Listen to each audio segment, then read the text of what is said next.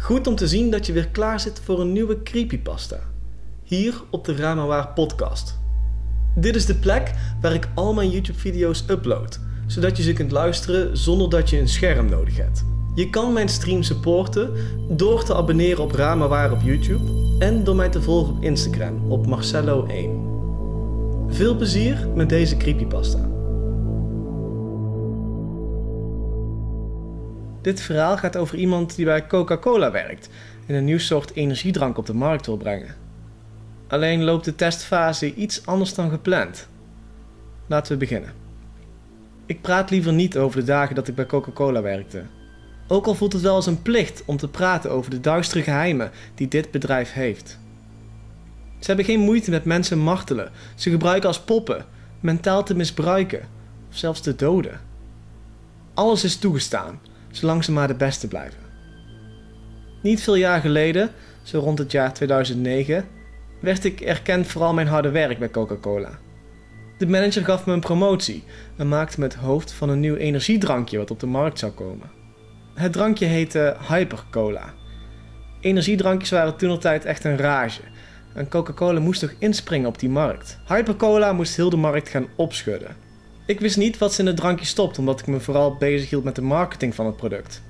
Ik wist wel wat het doel van het drankje was: het meest verslavende energiedrankje ter wereld worden. Na de briefing met het team wat de energiedrank ontwikkeld had, kwamen we erachter dat er nog één ding moest gebeuren: het testen van de energiedrank op een groep vrijwilligers. Het doel was om de drank te laten proeven door een zo divers mogelijke groep mensen. Niet snel daarna hadden we al een grote groep testers samengesteld. De groep bestond uit mensen van jong tot oud en van slank tot dik. Allemaal hadden ze zich vrijwillig opgegeven om het nieuwe energiedrankje van Coca-Cola te gaan proberen. We plaatsten net als bij iedere andere smaaktest deze groep van ongeveer 15 mensen in de recreatieruimte. De ruimte had twee basketbalnetten, er waren glijbanen en zelfs verschillende frisbees die overgegooid konden worden. De hal was best groot en gaf genoeg ruimte voor iedereen om zich vrij in te bewegen. Het marketingteam en sommige mensen die betrokken waren bij het ontwikkelen van de drank keken met veel interesse door een raam naar de testgroep. We waren allemaal zeer benieuwd wat ze van Hypercola zouden vinden en of het enig effect had op hun energielevel. Al vrij snel zagen we dat de oudere mensen van de groep aan het snel wandelen waren door de zaal. Ook leek het alsof ze rechterop stonden. De jongere mensen van de testgroep vertoonden een hoog energiegehalte en waren hyperactief bezig met verschillende activiteiten. Vreemd genoeg stond een van de kleinere testpersonen naar een muur te staren. Het zag er vreemd uit, maar de energiedrank had bij de overige testers wel het gewenste effect. Een ouder stel begon te joggen door de kamer en twee kinderen, broer en zus, waren enthousiast een frisbee aan het overgooien. Ook zagen we twee mensen van middelbare leeftijd een wedstrijdje sprinten houden. Alleen stonden er nu twee mensen naar de muur in de hoek te staren. De tweede persoon was net als de eerste die in de hoek ging staan, klein van stuk. Alleen was ze een stuk ouder, ongeveer in de 60 schat ik. Beiden stonden ze een beetje voorovergebogen en levenloos naar de muur te kijken. We vroegen ons af of ze misschien uitgeput waren van de energiedrank of dat ze even een pauze wilden nemen. We wisten het niet zeker, maar het onbehagelijke gevoel bekroop me dat er iets niet klopte. We besloten een van mijn collega's naar binnen te sturen om te vragen waarom ze met hun gezicht naar de muur toe stonden en of alles wel goed met ze ging. Terwijl hij door de zaal liep, leken meer en meer mensen uitgeput te raken. Tijdens de korte wandeling van mijn collega naar de mensen in de hoek waren er alweer drie bij gaan staan. Het leek erop dat de energiespurt die ze vertoonden maar van korte duur was. Terwijl mijn collega bij de groep testers aankwam, stonden we allemaal gefixeerd te kijken naar de groeiende groep personen die maar naar de muur bleef staren. Mijn collega tikte voorzichtig op de schouder van een meisje dat met haar hoofd naar de muur stond. Jonge dame, gaat alles wel goed? vroeg hij. Het meisje draaide zich om. Ze zag er verschrikkelijk uit. Ze staarde met bloedrode ogen direct naar mijn collega. Ze likte haar bleke lippen en glimlachte van oor tot oor. Haar pupillen waren bijna net zo groot als haar ogen en het leek wel alsof alle kleur uit haar huid weggetrokken was. Ze sprak één woord. Help. Ze praatte met een onaangename toon, terwijl ze begon te trillen.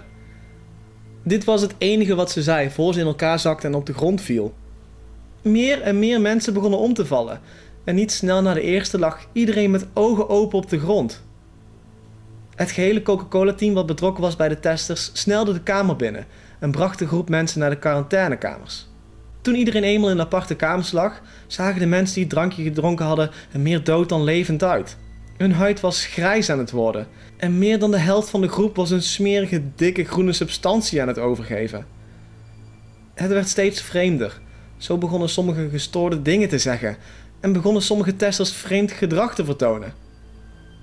Een man uit de groep begon gewelddadig tegen de muur aan te krabben en vertoonde weinig interesse in stoppen.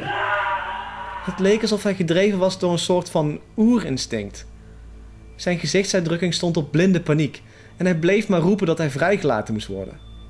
Op een gegeven moment liet hij zijn tanden zien die ter plekke leken weg te rotten, terwijl hij maar om hulp bleef roepen. We keken machteloos toe hoe hij zijn eigen nagels openbrak aan het krassen van de muur en we moesten hem vastpinnen voordat hij een van zijn vingers zou verliezen. Kijkend naar alle mensen die nu in de quarantaine zaten, leek het wel of iedereen langzaam gek begon te worden. Iedereen leek met een minuut achteruit te gaan. Ze liepen rondjes in hun kamer, badend in het zweet. Na twee dagen wist de medische staf verschillende tests te doen op de groep die de energiedrank had geprobeerd. Ze kwamen tot de schokkende conclusie dat een onbekende substantie die in het drankje zat ervoor zorgde dat de testers hun hersenen begonnen te rotten en af te sterven. Het enige wat ze op dat moment in leven hield was de grote hoeveelheid hyperactieve chemicaliën die in het energiedrankje zat. De medische staf vertelde na het onderzoek dat ze het probleem konden oplossen, maar dat de gedane schade onherstelbaar was en dat het drankje voor altijd in hun lichaam zou blijven. Ondertussen was het team dat verantwoordelijk was voor Hypercola bezig met een onderzoek naar welke stof deze vreselijke reactie had kunnen veroorzaken. Helaas vonden ze geen uitleg voor hetgeen wat gebeurd was.